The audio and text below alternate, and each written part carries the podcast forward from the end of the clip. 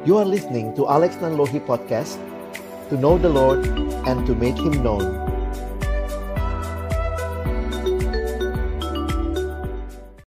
Mari berdoa sebelum membaca merenungkan firman Tuhan. Terima kasih Tuhan karena Engkau Allah yang peduli dengan kami umatmu bahkan Engkau yang sudah menciptakan kami indah.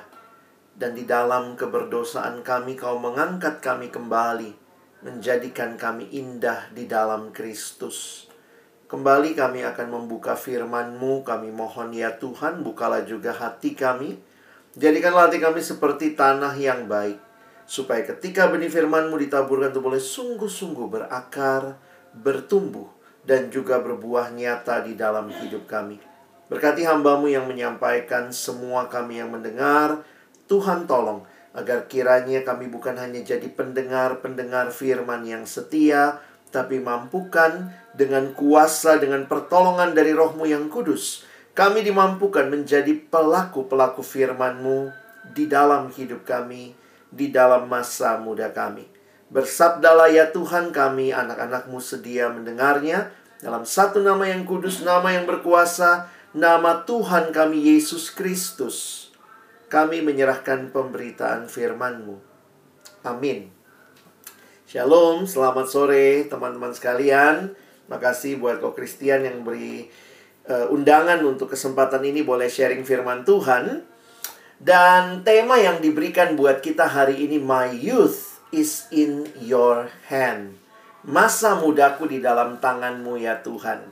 Ya mungkin di awal ini uh, saya ingin juga gitu ya boleh kenal teman-teman, boleh dengar kabar dari teman-teman sekalian. Nah, tolong kalau nanti kita saling bertukar kabar, kita bisa berharapnya lebih bisa ini ya kenal satu sama lain.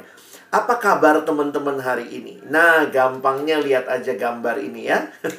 nah, yang mana yang paling menggambarkan kondisimu hari ini? Ya, silakan pilih satu aja ya nomornya ya. Mungkin oh saya miripnya nomor ini sama nomor ini. Yang mana yang paling dominan ya? Apa kabar teman-teman hari ini? Boleh silakan dijawab, tulis aja nomornya. Nggak ada benar salah ya, namanya nanya kabar begitu ya. Silakan teman-teman. Boleh lihat dan nanti milih nomor yang mana yang paling pas dengan gambar kondisi saya. Saya nggak nanya kemarin, nggak nanya besok, tapi hari ini. Yuk, silakan. Yang mana nih? Wis, thank you Andi. Oke. Okay. Nggak ada yang lima nih. Kayak saya mager banget ya lima ya. thank you Tiara, terima kasih yang udah sharing. Oke, okay. thank you Jo. Wah ini menarik ya teman-teman semua pasti bisa bisa relate lah ya. Tentu nggak semua kita kondisinya lagi fine fine aja gitu ya. Oke, okay, thank you untuk tukar-tukar kabarnya. Saya sendiri sih lagi uh, ya seger-seger aja ya. Karena mau pelayanan dan berharap juga bisa sharing firman Tuhan dengan baik kepada teman-teman. Waktu bicara tentang hidup orang muda, banyak istilah yang muncul. Salah satunya istilah ini ya, you only live once. Kamu hanya hidup satu kali dan benar. Kekristenan menghayati kehidupan hanya terjadi satu kali di mana kita hidup di dalam anugerah Tuhan dan nanti akhirnya juga kita harus mempertanggungjawabkan hidup itu di hadapan Tuhan. Tetapi bagaimana dunia merespon YOLO ini? Saya pernah baca t-shirtnya anak remaja, tulisannya gini ya. Ini anak remaja punya t-shirt. Masa kecil bahagia, masa muda foya-foya, tua kaya raya, mati masuk surga. Wis. Jujur teman-teman ya waktu baca ini wah amazed juga. Kalau ada benar hidup model begini, mungkin uh, saya daftar duluan gitu ya. Tapi realitanya hidup tidak selamanya seperti ini. Ya, bukan berarti juga hidupnya nggak bahagia begitu ya.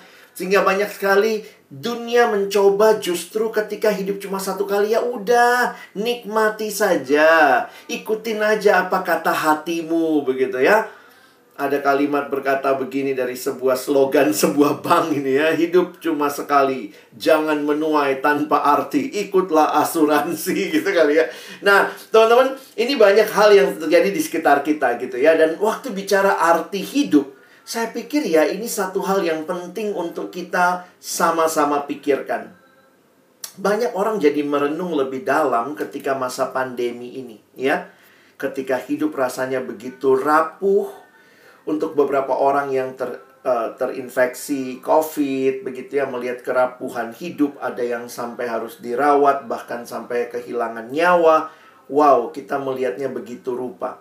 Tapi di sisi lain, banyak juga yang sedang mengomentari hidup. Aduh, saya ketemu beberapa anak pemuda, anak remaja, uh, uh, saya sering melayani juga ke anak-anak sekolah gitu ya. Dia bilang, kok capek kok, bosen ya belajarnya masih online.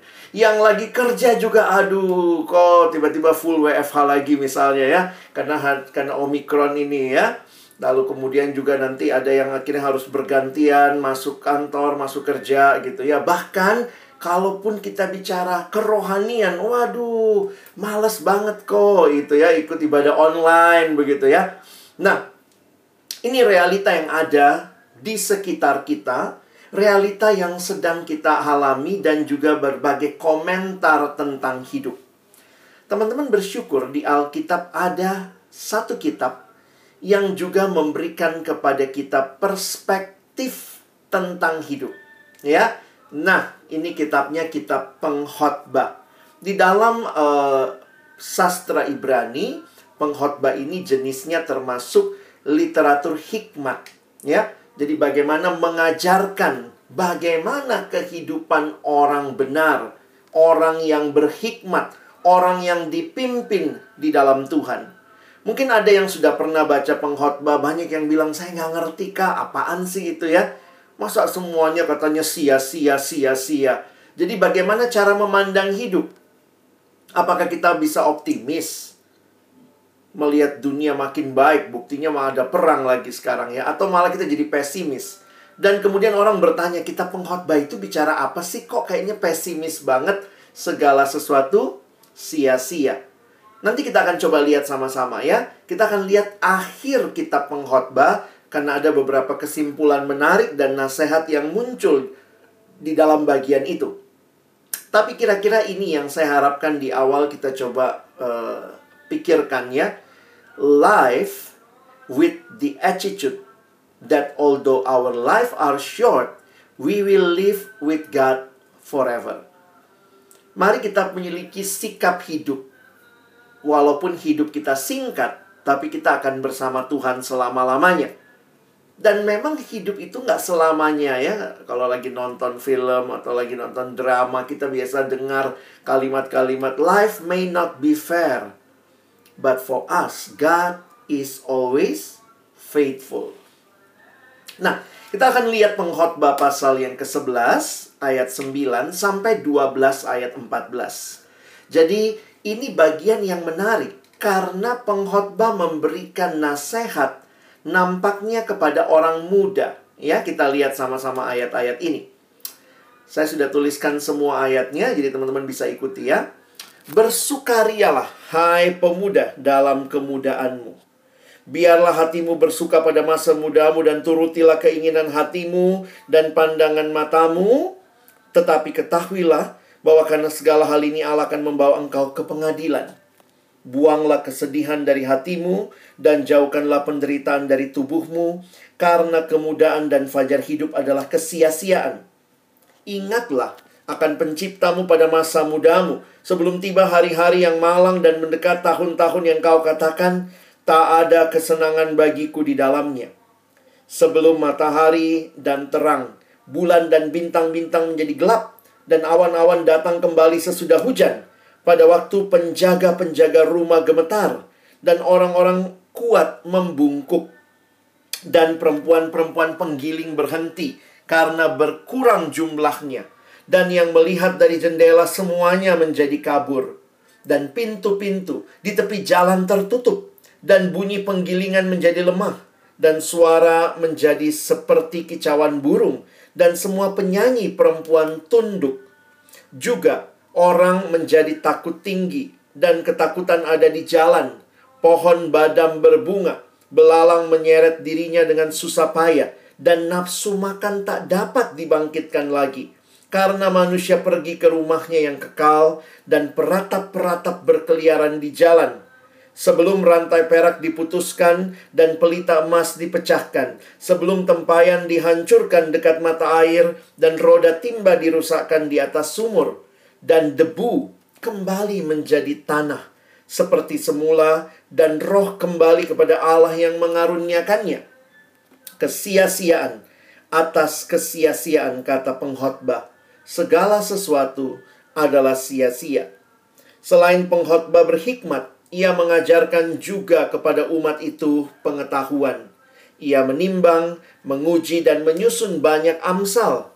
Pengkhotbah berusaha mendapat kata-kata yang menyenangkan dan menulis kata-kata kebenaran secara jujur.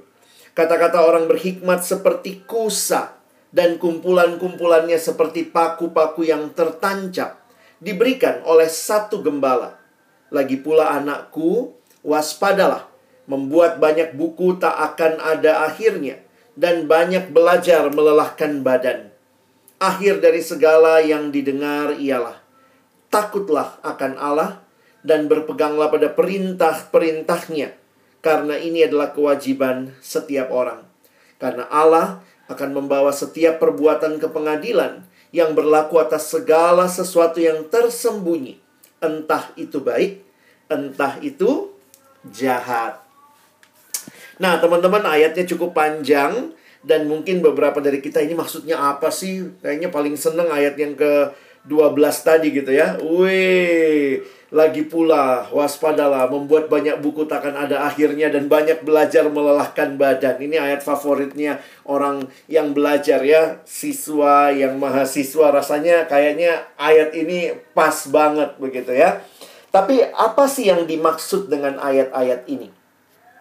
Secara khusus, saya ingin mengajak kita melihat dua hal ya. Kalau kita bagi ayat-ayat ini kita bisa melihat yang pertama adalah nasihat untuk menikmati masa muda. Itu ayat 11, pasal 11 ayat 9 sampai 12 ayat 8. Lalu sisanya itu adalah takutlah akan Tuhan dan nikmatilah hidup. Nah, karena nampaknya pengkhotbah tidak hanya menulis untuk orang muda, tetapi juga ada nasihat khusus yang di atas untuk orang muda. Tetapi di bawah nanti dia akan sampaikan lagi karena dia menulis juga untuk semua umat. Nah, kita lihat yang pertama dulu ya, yang lebih khusus buat kita orang-orang muda. Oh, kita kalian kali ya. Kalau saya saya pernah muda sih ya. Kadang-kadang kalau pelayanan sama anak muda bisa lupus ya, lupa usia ya. Oke, kita lihat yang pertama dulu. Nikmatilah masa mudamu. Di dalam ayat yang sorry ya, ayat 9 itu harusnya sampai 12 ayat yang ke-8. Teman-teman, perhatikan ayat 9 ini ya. Kadang-kadang kalau kita perhatikan secara sederhana, sampai di bagian awalnya, bersukarialah hai pemuda dalam kemudaanmu. Biarlah hatimu bersuka pada masa mudamu dan turutilah keinginan hatimu dan pandangan matamu. Wow. Baru kali ini ya kita lihat, wih di Alkitab ada ayat seperti ini untuk orang muda. Jadi sebenarnya di satu sisi perhatikan bahwa tidak ada konsep bahwa Tuhan tidak suka dengan kesenangan, ya. Karena Tuhan sendiri yang justru memberikan kesenangan. Tuhan sendiri yang memberikan hal yang enak dan sedap dipandang. Makanya kalau diperhatikan ayat 9 ini, saya belum pernah dengar juga ya. Ada nggak persekutuan pemuda atau remaja di gereja tertentu? Ayat uh, temanya, ayat visinya adalah pengkhotbah 11 ayat 9. Wah, bersukarialah hai pemuda. Ikuti hatimu, begitu ya. Teman-teman, ini membuat kita menyadari bahwa sebenarnya Tuhan kita tidak anti dengan kesenangan. Masa muda penuh dengan kegembiraan, keceriaan, melihat hal-hal baru. Itu semua adalah sesuatu yang Tuhan bahkan ingin engkau nikmati. Tetapi ada kata selanjutnya. Tetapi. Ini menunjukkan bahwa Allah kita Allah yang memberikan kebebasan, tetapi kebebasan kita selalu ada batasnya. Teman-teman, sejak awal Allah menciptakan kita, Allah memberikan kebebasan. Kalau kalian ingat perintah di Taman Eden, semua pohon dalam taman ini boleh kau makan buahnya, ya. Jadi Tuhan kasih kebebasan satu yang jangan. Saya bisa ngerti kalau misalnya Tuhan bilang gini, semua nggak boleh makan, satu doang yang makan. Mungkin kita bisa mengerti, pantas jatuh dalam dosa. Habis semua nggak boleh sih, cuman satu yang boleh. Kan bosen itu lagi, itu lagi kali ya. Tetapi justru kalau perhatikan, konsep penciptaan manusia diciptakan dalam kebebasan, tetapi Tuhan memberikan batasan.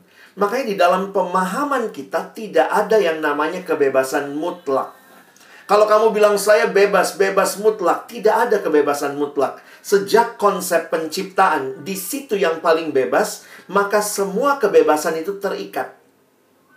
Contoh, ketika bicara Tuhan menciptakan manusia, maka manusia kita bebas. Tapi jangan lupa, dalam hal yang paling sederhana, kamu dan saya terikat sama oksigen kan? Tidak ada dari kita yang karena bebas jadi nggak butuh oksigen. Enggak. Sama seperti ikan, ikan itu bebasnya bukan di luar air, di dalam air. Berarti kebebasan ikan terikat pada air. Nah, di dalam ayat yang ke-9 ini diingatkan, silahkan nikmati itu anugerah Tuhan untuk masa muda. Tetapi, selalu ingat bahwa karena segala hal ini Allah akan membawa engkau ke pengadilan. Kenapa? Karena di sini dikaitkan dengan Allah yang memberikan kebebasan, tetapi Allah juga yang memberikan batasan untuk menikmati kesenangan itu. Karena itu diingatkan sebenarnya di ayat 10-nya ya, buanglah kesedihan dari hatimu dan jauhkanlah penderitaan dari tubuhmu karena kemudahan dan fajar hidup adalah kesia-siaan. Ayat 10 menjadi hal yang terjadi ketika kita hanya melakukan bersukarianya, tapi lupa bahwa Allah ada dan Dia menjadi bagian penting yang memberikan batasan bagi kebebasan kita. Bayangkan kalau kamu cuma menikmati kesenangan, ikuti semua yang hatimu mau. Jangan lupa, kita sudah jatuh dalam dosa. Karena itu, kita diingatkan bahwa ada kebebasan, tetapi kebebasan itu ada batasnya. Dan batasnya adalah Allah sendiri yang menciptakan kita. Karena itu perhatikan lanjutan dari ayat ini. Langsung masuk pasal 12 ayat 1. Ingatlah penciptamu pada masa mudamu. Sebelum tiba hari-hari malang dan seterusnya. Di dalam terjemahan bahasa Inggris dipakai istilah remember your creator in the days of your youth. Kenapa ya? disuruh ingat pencipta pada masa muda. Saya coba pikir-pikir gitu ya. Apa memang masa muda itu orang paling jarang ingat Tuhan ya? Kalau sudah opa, oma, kayaknya otomatis ingat Tuhan ya, udah deket-deket ya. Udah bau bau-baunya udah mulai bau tanah. Waduh, cari Tuhan mungkin gitu kali ya. Orang muda malah suka merasa, "Oh, this is my life. Aku mau hidup seribu tahun lagi." Dan kenapa yang diminta di sini? Ingatlah penciptamu. Ada banyak sebutan kepada Tuhan. Dia gembala, dia juru selamat, dia penolong. Tetapi pengkhotbah mengingatkan, ingatlah penciptamu. Teman-teman, Allah menciptakan manusia. Jadi kita ini ciptaan Allah kita dicipta segambar dan serupa dengan Dia. God created man in His own image. Ada banyak implikasi dari kalimat ini. Diciptakan segambar dan serupa dengan Allah. Tapi saya mau angkat satu hal yang saya rasa penting untuk ditekankan saat ini. Bahwa sebenarnya waktu Tuhan menciptakan kita, Tuhan sendiri merindukan relasi yang personal dengan kita. Itu satu hal yang menarik. Saya mengutip kalimat dari seorang teolog bernama Nicky Gamble. Dia bilang begini, pria dan wanita diciptakan untuk hidup dalam hubungan dengan Allah. Tanpa hubungan tersebut, selalu ada rasa lapar, sebuah kekosongan, dan sebuah perasaan yang hilang. Wah, jadi memang kita itu desainnya adalah didesain untuk berelasi dengan Allah. Siapa yang merindukan relasi itu, ya Tuhan yang menciptakan kita. Karena itu Tuhan menanamkan dalam hati kita satu kerinduan sebenarnya untuk berelasi dengan dia. Makanya Nicky Gamble melanjutkan, tidak ada satupun hubungan manusia yang dapat memuaskan atau yang dapat terus bertahan. Ini asumsi dia dua hal. Kita itu manusia selalu cari yang memuaskan, lalu yang dapat terus bertahan. Dan kadang-kadang kita nggak bisa dapat itu salah satunya atau kita misalnya begini ya ada nggak relasi yang terus bertahan? Selama masih dalam wilayah ciptaan, nggak ada relasi yang terus bertahan. Contoh, ada nggak yang punya orang tua yang nggak bisa meninggal? Wah, papa mamaku dong nggak bisa meninggal. Hidup terus, terus bertahan. Berarti semua relasi manusia ada batasnya. Dan semua relasi yang kita anggap memuaskan, ternyata habis itu contoh, haus minum. Emangnya minum sekali cukup, nggak bakal minum lagi. Habis minum mungkin dua jam lagi, haus lagi.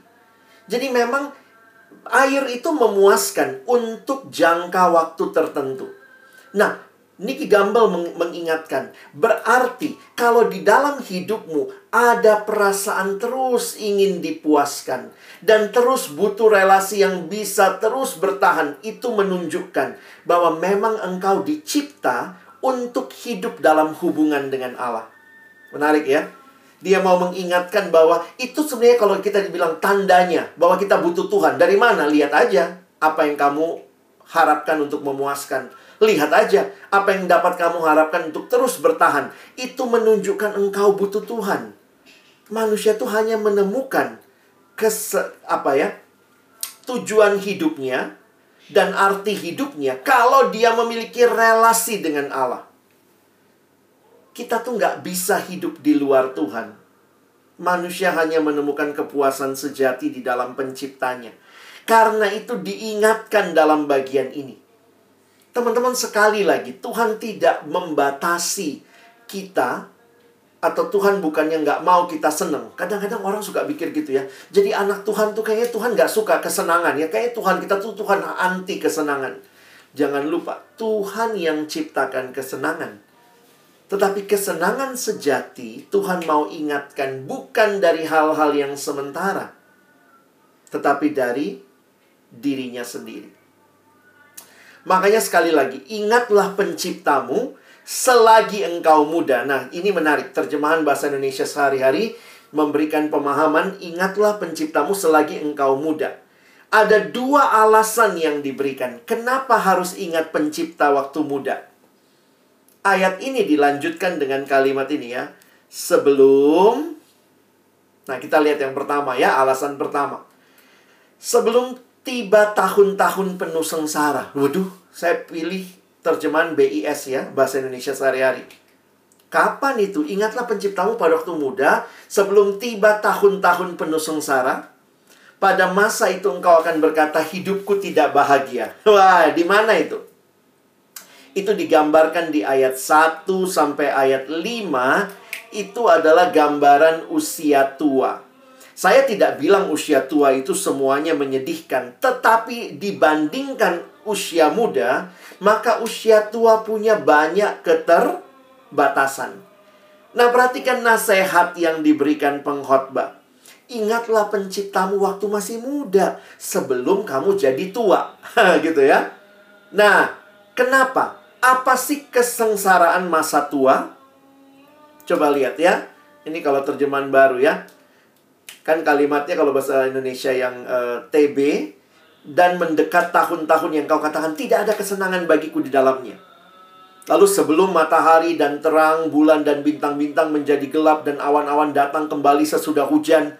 Ini apaan kok tiba-tiba ada kayak weather forecast gitu ya? Nah, kalian harus mempelajari ayat-ayat ini di dalam uh, apa ya?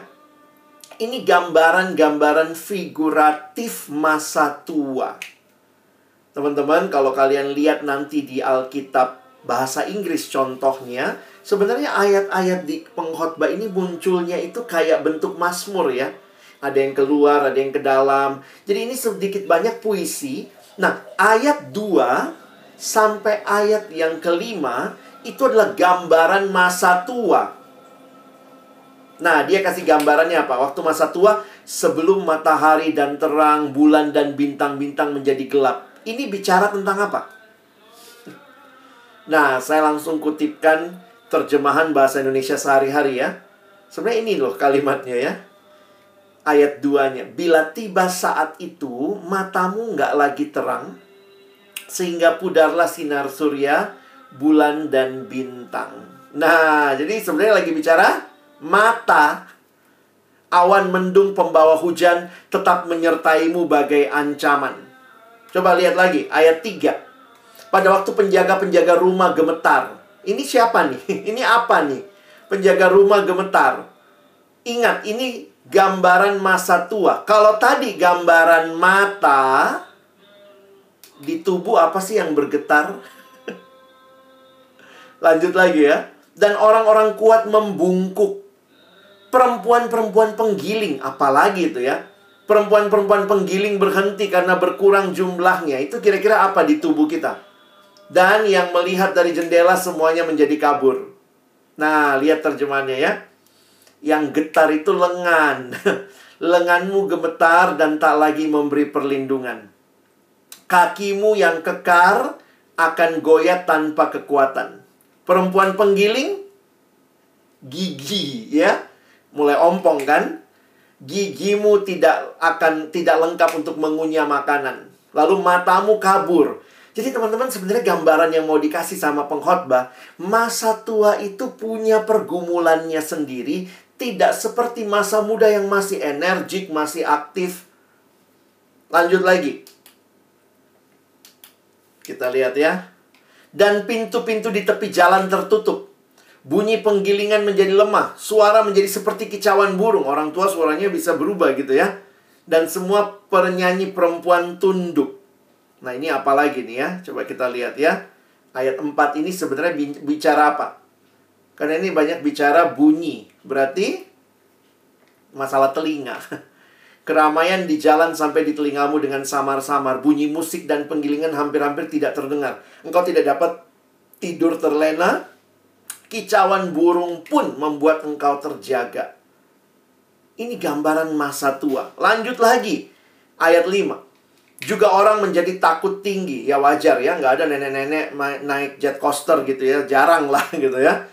Menjadi takut tinggi. Dan ketakutan ada di jalan. Pohon badam berbunga. Ayo ini apa lagi nih? ada yang pernah lihat pohon badam? Kalau kalian ke Korea itu ada banyak pohon badam dan orang biasanya suka foto kalau pas berbunga. Kenapa? Pohon badam itu kalau berbunga putih sekali semuanya. Nah, ini gambaran uban. Belalang menyeret dirinya dengan susah payah. Nafsu makan tak dapat dibangkitkan lagi. Karena manusia pergi ke rumah yang kekal dan peratap-peratap berkeliaran di jalan-jalan. Ini pohon badam. ya. Nah, Gambarannya apa? Ini terjemahannya. Engkau takut mendaki tempat tinggi. Rambutmu, pohon badam tadi beruban. Belalang menyeret kakimu. Belalang itu kan harusnya lompat ya. Kakimu kau seret waktu berjalan. Maka hilanglah segala hasrat dan keinginan. Di dalam terjemahan yang lain bahkan dikatakan hilanglah hasrat seksual ya. Hasrat nafsu makan, nafsu seks. Dan orang sudah makin tua. Alkitab bicara loh ternyata ya. Ayo orang muda, ingatlah Tuhan sebelum kamu tua. Waktu muda masih kuat, ingat Tuhan. Tapi yang kedua, kalau tadi kenapa kita harus ingat pencipta? Karena kita bakal tua. Tua itu nggak terelakkan. Nggak ada orang yang makin hari makin muda ya, nggak ada.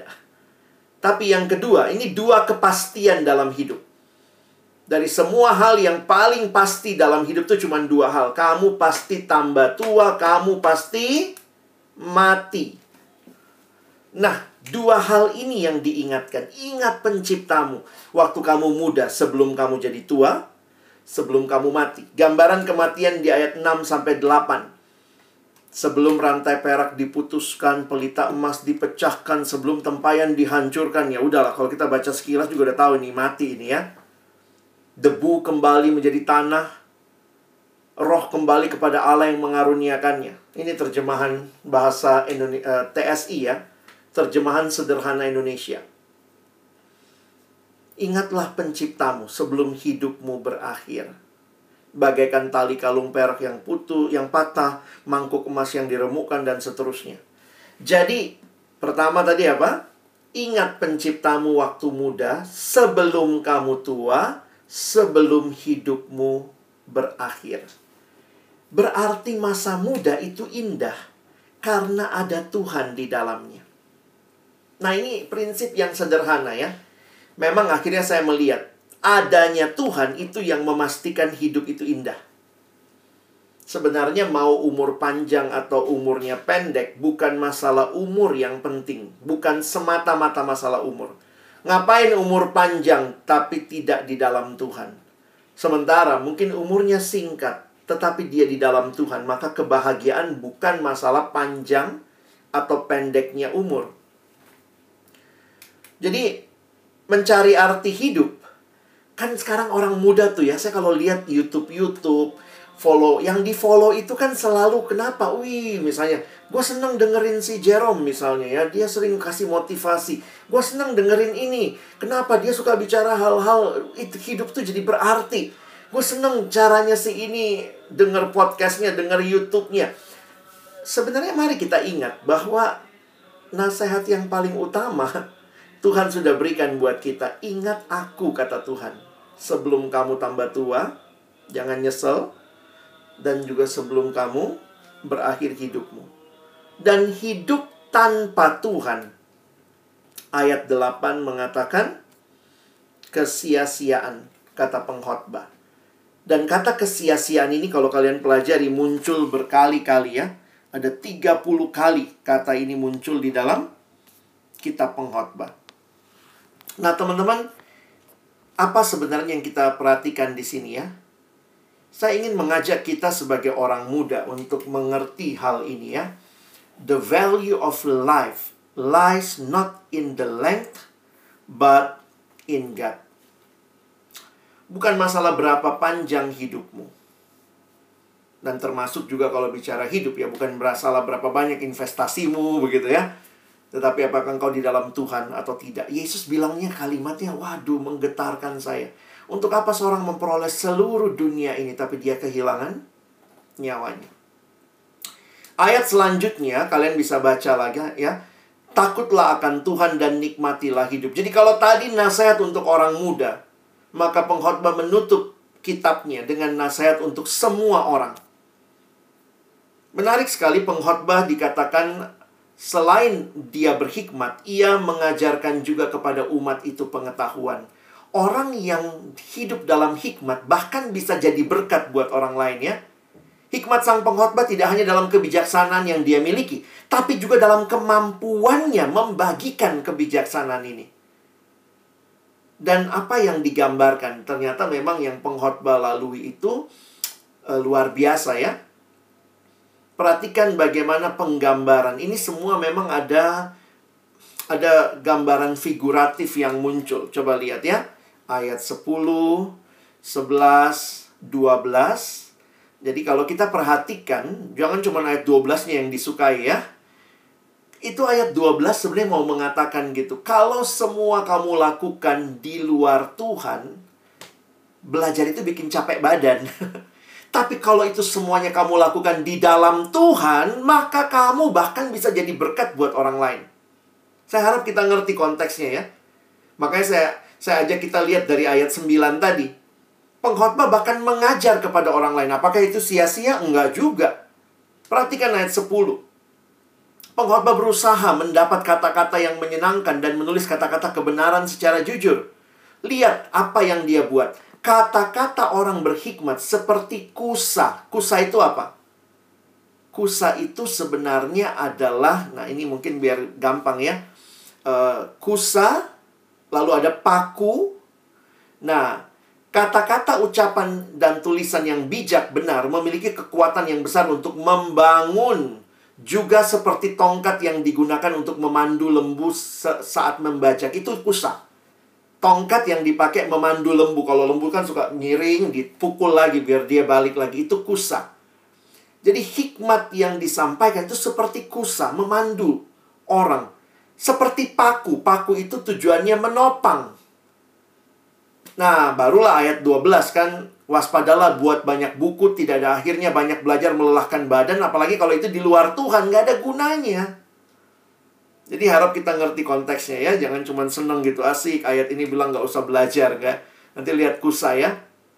Makanya bahasa Indonesia sehari-hari menerjemahkan perkataan orang arif itu seperti tongkat tajam seorang gembala.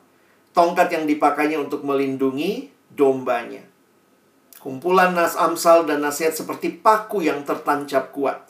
Dan perhatikan, diberikan oleh satu gembala. Sebenarnya kuncinya ini. Semua itu pemberian Allah yang adalah gembala kita satu-satunya. Dan kitab ini ditutup dengan himbauan. Akhir kata dari segala yang didengar ialah takutlah akan Allah dan berpeganglah pada perintah-perintahnya.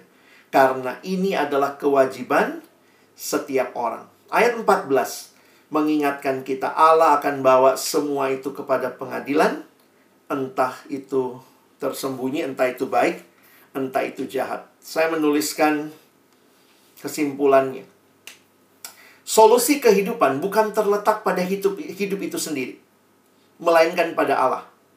Dengan demikian, penutup kita pengkhotbah ini memberikan kita jawaban tentang apa yang harus dilakukan, yaitu takut akan Allah dan pegang perintah-perintahnya. Sebab Allah akan membawa setiap perbuatan ke pengadilan, entah itu jahat, entah itu baik, ya. Jadi aplikasinya secara sederhana pengkhotbah mengingatkan setiap orang bahwa makna hidup tidak terletak pada kesuksesan materi yang dicapainya. Ingat pengkhotbah ini kalau dia betul adalah Salomo, dia orang paling kaya di masanya, ya. Kalau kita bilang, ya dia pengemis, terus dia tulis kitab, tulis buku, lalu dia bilang semuanya sia-sia. Kita bilang wajar, dia mah pengemis ya. Tapi ini raja yang punya semua kekayaan. Tapi dia setelah melewatinya, dia bilang apa? semuanya sia-sia tanpa Tuhan. Kesuksesan materi yang dicapai dalam dunia, kepuasan seperti ini sifatnya sementara. Namun orang yang menaruh harapannya dalam Tuhan, dalam takut akan Tuhan adalah orang berhikmat. Sebab ia tahu bahwa Tuhan itu sumber hikmat dan pengetahuan. Jadi teman-teman, bagaimana memandang hidup? Kita jadi orang pesimis atau optimis? Kekristenan tidak mengenal sebenarnya optimis karena optimis dalam arti kalau kita optimis lalu bersandar pada kekuatan sendiri, jadinya sombong. Kita juga jangan jadi orang pesimis yang kesannya minder, ya. Kekristenan berbicara sesuatu yang lebih indah, namanya hopeful realism. Kita orang yang realistis dan berpengharapan. Kalau orang optimis kan itu kayak motivator-motivator ya. Bilang sama dirimu, kamu bisa, kamu bisa. Begitu nggak bisa, udah hancur. kalau kita realistis, sekarang saya nggak bisa, tapi kalau saya belajar, saya bisa. Saya punya pengharapan di dalam Tuhan. Kita hopeful realism. Dan apa yang kita ingat? Saya pikir salah satu ayat kunci di kitab pengkhotbah adalah pengkhotbah 3 ayat yang ke-13. Bahwa setiap orang dapat makan, minum, dan menikmati kesenangan dalam segala jeripayahnya itu semua adalah pemberian Allah. Jadi teman-teman, menghadapi hidup tuh kita selalu ingat, ini semua pemberian Allah. Nah, saya nggak tahu bagaimana teman-teman memaknai hal ini, ya. Ketika kamu sekarang sedang ada, ini kan masa-masa pandemi ini, gimana kamu melihat hidup? Jangan-jangan dalam masa pandemi ini kamu sudah begitu jauh dari Tuhan kah? Jatuh dalam dosa yang itu lagi dan itu lagi? Dalam masa-masa ini kerohanian kita juga lagi mundur kah? Ataukah kita justru menggunakan kesempatan ini juga untuk terus membangun iman kita di hadapan Tuhan? Beberapa orang mungkin Tuhan lagi buka kesuksesan di studimu atau mungkin di bisnismu, di karirmu, di pekerjaan, mungkin lagi bagus begitu ya. Tapi jangan-jangan kita juga lupa untuk membangun kerohanian yang di dalamnya membuat kita terus ingat Tuhan. Ada tiga hal yang Tuhan kasih buat kita ya. Untuk saudara tetap bertumbuh. Pertama, Tuhan kasih roh kudusnya. Memimpin kita. Yang kedua, Tuhan berikan kepada kita firman. Jadikan itu pedoman. Firmanmu pelita bagi kakiku, terang bagi jalanku. Yang ketiga, Tuhan kasih kita komunitas. Di gereja ada komunitas seperti ini untuk terus mengingatkan, "Hai orang muda, bangun imanmu dalam Tuhan." Jangan cuma kejar yang di sana. Saya tutup dengan sebuah kalimat yang saya ingat dari seorang pendeta yang waktu dia berkhotbah dia bilang banyak orang dalam karir sukses. Dalam studi juga, S1, S2, S3 bahkan ya. Tetapi dalam iman kepada Tuhan tetap TK. ya juga ya. Kita mau pursue nggak ya? Mengejar hidup rohani yang makin dalam. Makin cinta Tuhan. Makin hidup bagi Tuhan. Supaya akhirnya kita bisa jadi berkat bahkan buat orang di sekitar kita. Nah, kiranya perenungan ini menolong kita. Dan kalau ada waktu, teman-teman bisa tanya ya. Kita bisa share satu sama lain. Thank you. Saya berhenti sampai sini.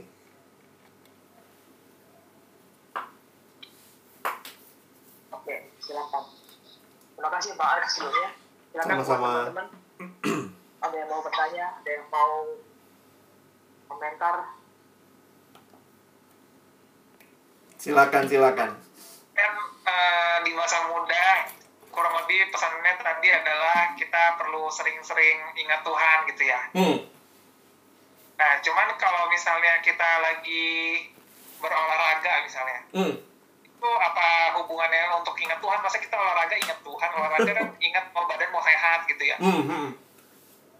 Oke. Jadi kadang tuh kalau disuruh 24 jam ingat Tuhan tuh kayaknya agak kurang realistis gitu ya. Hmm. hmm.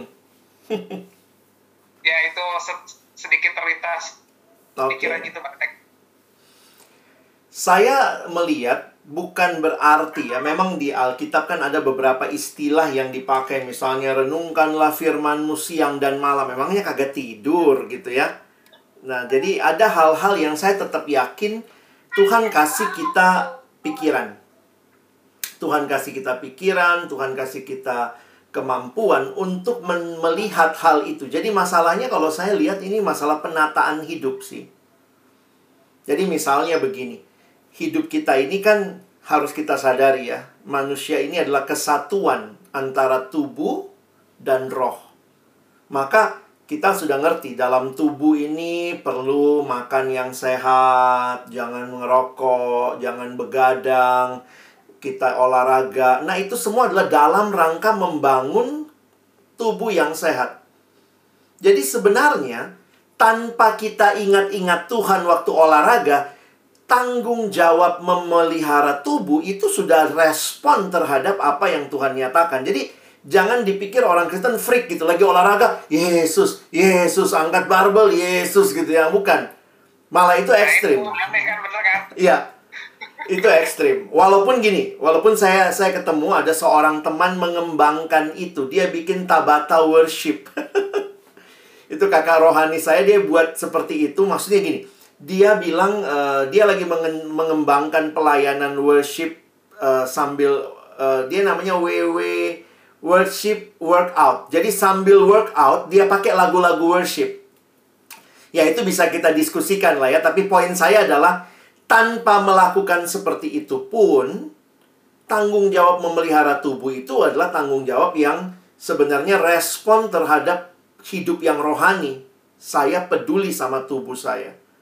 Nah, yang kedua ya, karena kita adalah makhluk yang kesatuan tubuh dan roh, maka kasih waktu juga. Kadang-kadang orang punya waktu nge-gym, tapi dia nggak punya waktu baca Alkitab dia nggak punya waktu datang datang pemuda gitu. Bukannya nggak boleh sih. Bukan bukannya apa jangan jangan kemudian kita hanya peduli salah satu mengabaikan yang lain sih. Jadi kalau saya pikir ya jangan jadi freak rohani tapi sebenarnya itu yang saya bilang tadi. Ini masalah manajemen hidup lah manajemen hidup. Kalau waktu olahragamu kau pakai saat teduh misalnya atau apa jangan berpikir juga itu lebih baik gitu ya Mari peduli juga dengan tubuh kita itu respon kita terhadap Tuhan sih. Mungkin itu. Kalau tertarik, lebih ke arah bertanggung jawab dalam setiap semua tindakan kita ya. yes, betul.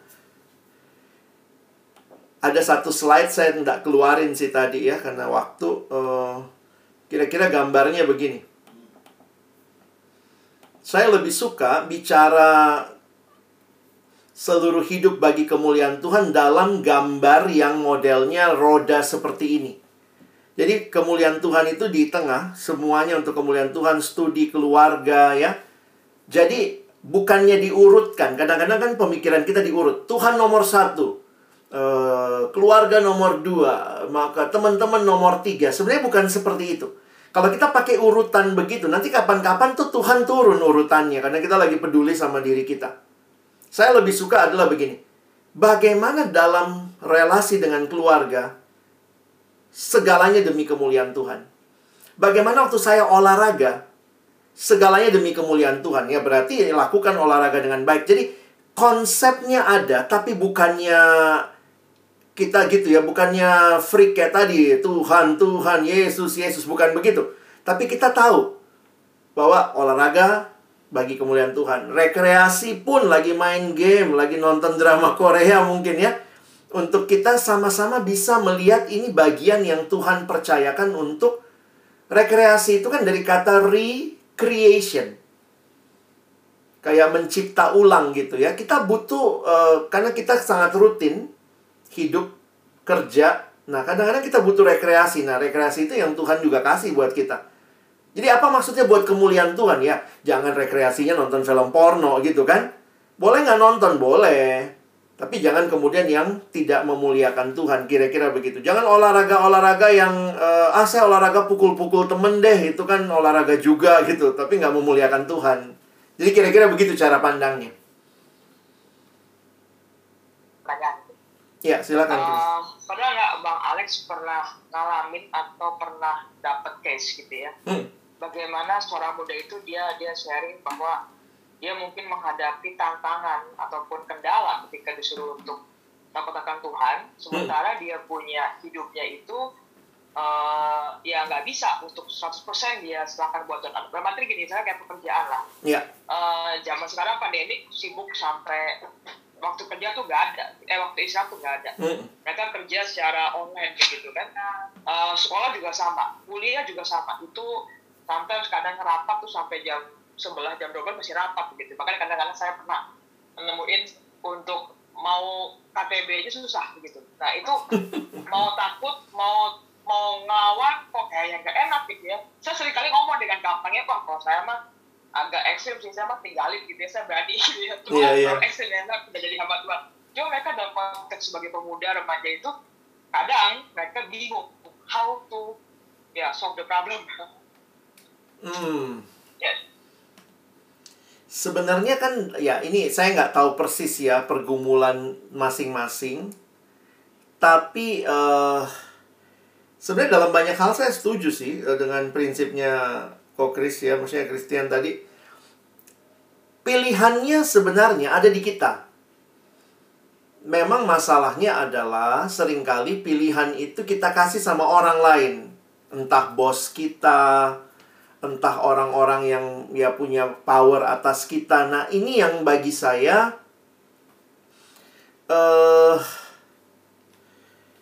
saya nggak tahu gimana ya. Bukannya bilang ngelawan bos juga, tapi kan sebenarnya hidup itu ada banyak ada banyak Tuhan kasih kita hikmat lah. Saya pikir gitu. Tuhan kasih kita hikmat. Makanya menariknya begini. Tiap orang punya kapasitas yang beda. Saya punya temen tuh bisa tuh melakukan banyak hal sekalian gitu. Tapi kalau saya mungkin tidak bisa melakukan banyak hal sekalian, maka saya harus tahu kapasitas saya.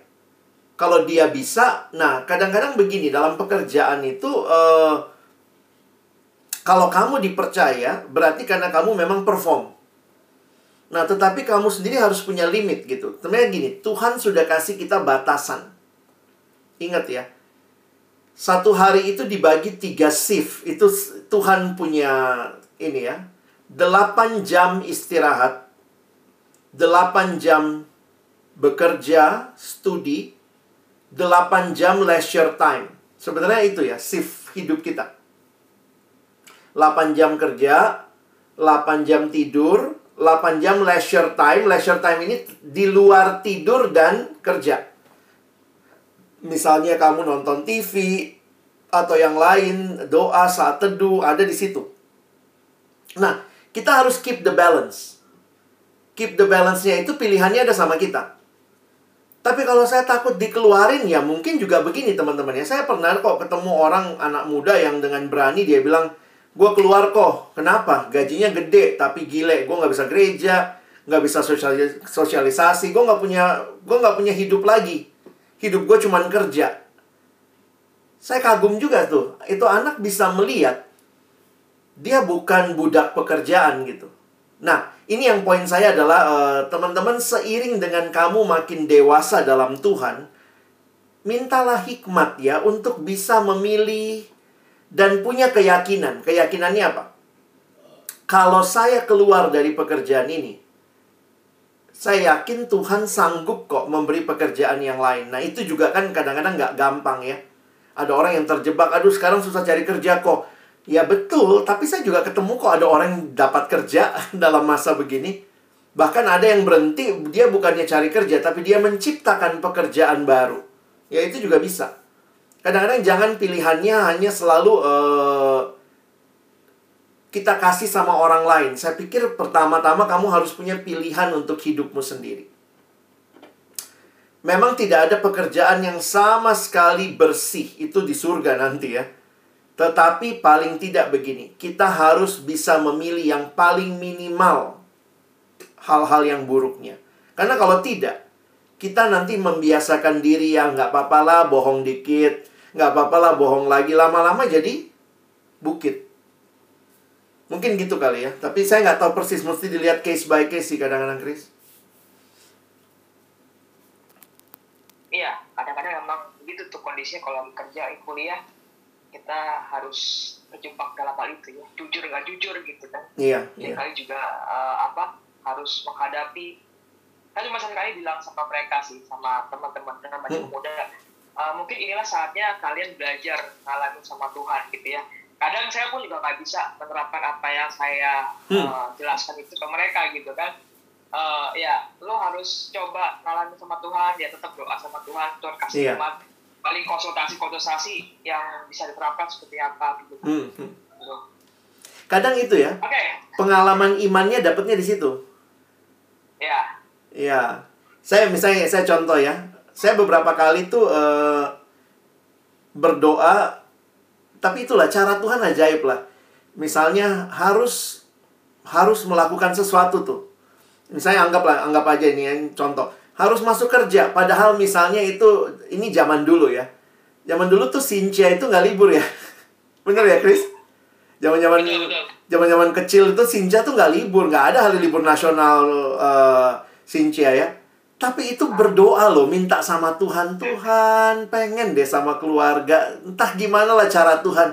Eh tiba-tiba dikasih libur loh sama bosnya. Itu itu kan di luar. Jadi kadang-kadang percaya nggak percaya. Saya pikir kita tuh sebenarnya percaya nggak ya sama Tuhan bahwa Dia sanggup dan berkuasa?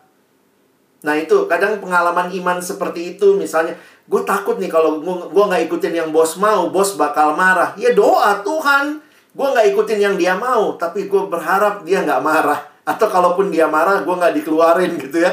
Itu ajaib kok Tuhan kita ya. Saya yakin itu bagian dari pengalaman iman kita. Iya. Silakan.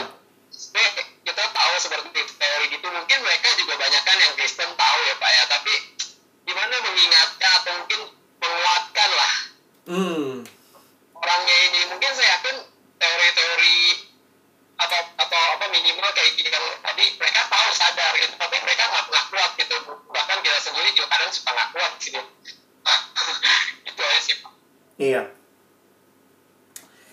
Saya pikir sih paling penting kita punya komunitas yang peduli sama kita, tahu pergumulan kita gitu ya. Dan komunitas itu ya Tuhan yang kasih dan kita harus pelihara. Nah, saya nggak tahu bagaimana teman-teman membangun komunitas ya. Membangun komunitas kan kadang-kadang nggak bisa cuman begini ya. Kebaktian, ibadah, dengar satu arah gitu ya. kita butuh yang namanya mungkin tadi ya kayak kok Chris bilang uh, eh, KTB gitu. Saya bersyukur punya teman-teman KTB yang ternyata itulah keluarga kedua yang Tuhan kasih. Jadi kalau ada pergumulan termasuk kesulitan-kesulitan gitu ya, kita bisa cerita dan kita didoakan. Nah, bagi saya itu satu pengalaman yang maksudnya gini, kalaupun ada orang mau hidup benar, hidup jujur, tapi dia sendiri tidak tertanam di dalam gereja, tidak tertanam di dalam komunitas yang membangun, itu agak khawatir saya. Karena dia kayak berjuang sendiri begitu ya.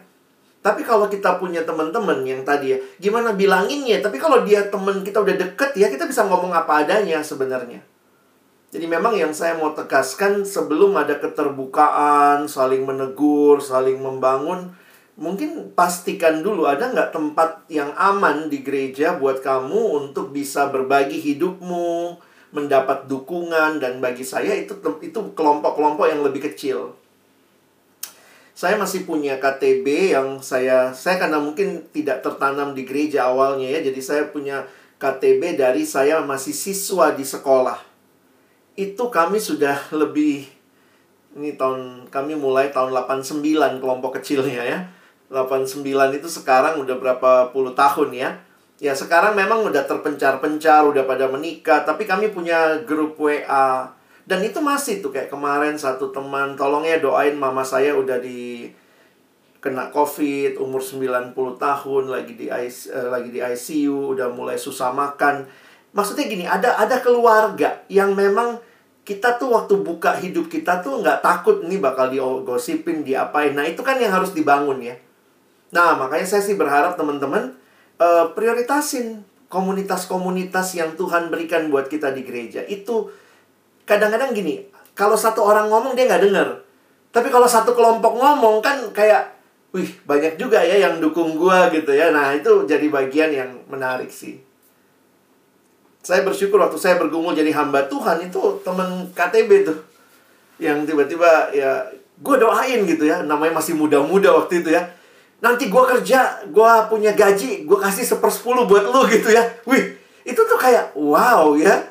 Uh, dan bagi saya itu Tuhan pakai komunitas kira-kira begitu. Kalau saya tadi sekilas gitu ya. Hmm. Pertemuan kita hari ini bukan kebetulan lo kalian ada. kalian di refresh kembali iya ya gue harus takut akan Tuhan, gue harus ya enjoy life tapi juga harus bertanggung jawab gitu-gitu. Gak ada yang kebetulan guys. Hmm. Oke, okay, kesempatan terakhir. Apakah masih ada masa saya mesti nunjuk sih?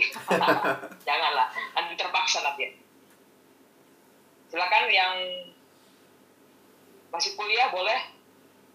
Ada Justin ada Abel ada siapa lagi di sini? Hanil nah, kasih statement terakhir final statement dan okay. untuk dalam doa. Iya. Saya sendiri makin belajar apa itu hidup sih ya karena satu satu hal yang saya syukuri bahwa di dalam Yohanes 10 ayat 10 Yesus berkata pencuri datang hanya untuk mencuri, membunuh, membinasakan. Ada 3M programnya si iblis ya. Mencuri, membunuh, membinasakan. Tetapi aku datang supaya mereka memiliki hidup, tapi bukan hanya itu. Dan memilikinya dalam segala kelimpahan. Saya sungguh rindu orang-orang muda itu bukan jadi orang-orang yang kalah dalam hidup dalam dunia ini ya. Karena Yesus yang sudah datang kasih kita hidup berkelimpahan. Nah, buktikan itu, nyatakan itu, hidupi hidup yang seperti itu. Nah, bagaimana menghidupinya ya? Teman-teman harus berakar dalam Tuhan. Be the best in every area of your life ya. Dalam pekerjaanmu, dalam studimu, kalau perlu dalam kesehatanmu, dalam caramu mengelola makanan, dalam caramu melayani, be the best, but always remember, rooted deep in Christ. Itu yang penting ya. Nanti di situlah hidupmu akan jadi buah yang besar bagi banyak orang. Mari berdoa. Tuhan terima kasih karena Engkau datang supaya kami memiliki hidup dan memilikinya dalam segala kelimpahan.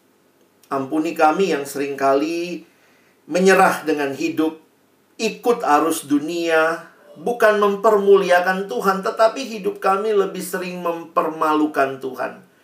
Tapi hari ini biarlah ketika kami sekali lagi diingatkan bahwa sejak masa muda biarlah kami benar-benar berserah kepada Tuhan, membangun hidup kami di dalam Tuhan, memusatkan segala-galanya demi kemuliaan Tuhan.